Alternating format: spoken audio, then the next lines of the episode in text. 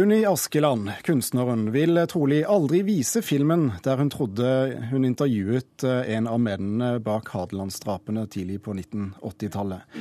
Det sier Rolf Stavnem, daglig leder ved Galleri Fine Art, der filmen var planlagt å vises i kveld.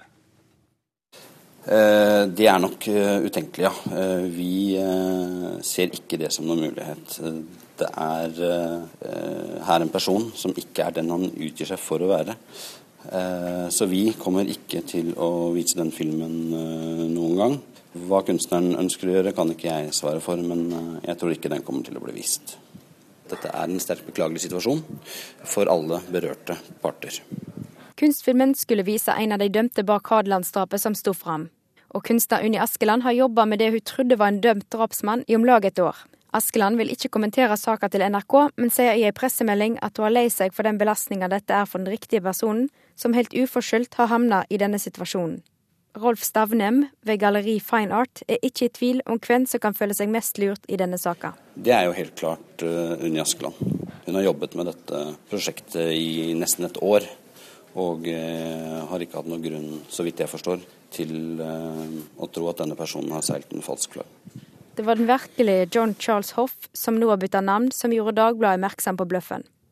Han leste om kunstfilmen og mannen som utga seg for å være han, i Dagbladet i går. Det er jo aldri morsomt å bli lurt, men når vi først er blitt det, så håper jeg at den åpenheten vi viser rundt det, kan være med på litt å, å forklare på hva som har skjedd. Det sier nyhetsredaktør i Dagbladet, Frode Hansen. Han legger ingen skyld på Unni Askeland og tar fullt ansvar for feilene Dagbladet har gjengitt. I dagens avis forklarer Dagbladet at nyheten fra i går ikke stemte, og at de og Unni Askeland har blitt løyet for.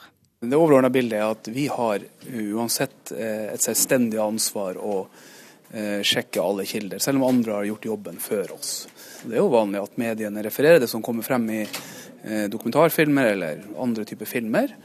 Men som sagt så, jo, så, skal det være korrekt det vi viderebringer, og det var det ikke tilfellet her. Og da, og da har ikke vi gjort en god nok jobb. Reportere her, det var eh, Kristin Forland og Tone Staude. Cecilie Broch Knutsen, rektor ved Kunsthøgskolen i, i, Oslo. Nå eh, har galleriet og Askeland bestemt seg for å ikke vise filmen, og den blir trolig heller aldri vist. Er det en uh, riktig beslutning? Nå har jo ikke jeg sett filmen, men ut fra de premissene som vi har fått høre nå, så forstår jeg veldig godt at ikke den filmen blir vist. Er du overrasket over at en kunstner har blitt lurt på denne måten? Ja, i og for seg. Eh, jeg tenker at det handler om håndverk, og det handler selvfølgelig også om når man går inn i et prosjekt, at man vet hva man gjør, og selvfølgelig undersøker alle alle de forutsetningene er, som er. Hvordan forholder kunsten seg til, til sannhet? Ja, Sannhetsgehalt som sådan er jo ikke avgjørende for om et kunstverk er godt eller ikke. Men det er klart det er jo noe som heter etiske regler, eller et, at man har et etisk ansvar.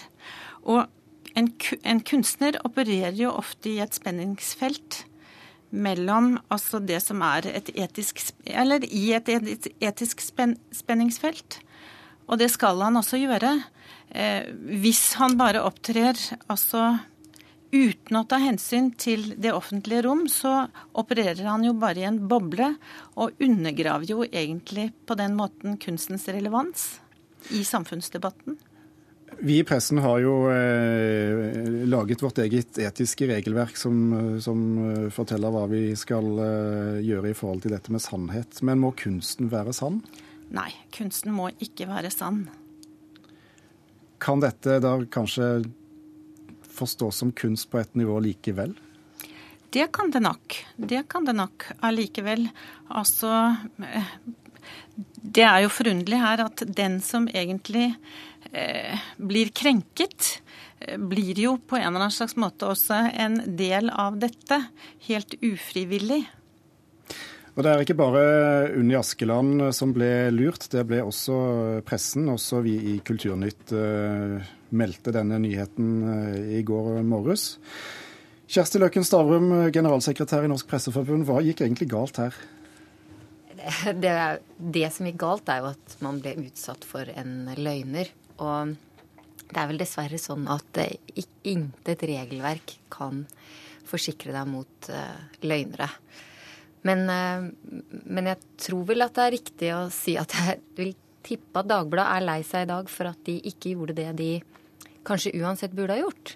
Når de skjønte at denne mannen omsider snakket ut etter så mange år, så burde de jo ha ringt til han.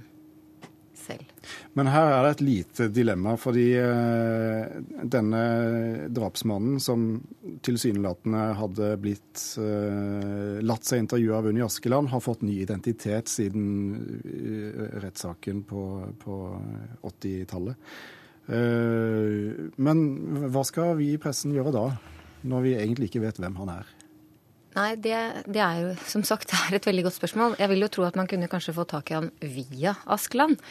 Eh, men, eh, og for derigjennom da sjekket saken. Men samtidig er det også sånn at det er ikke alle kriker og kroker pressen ettergår.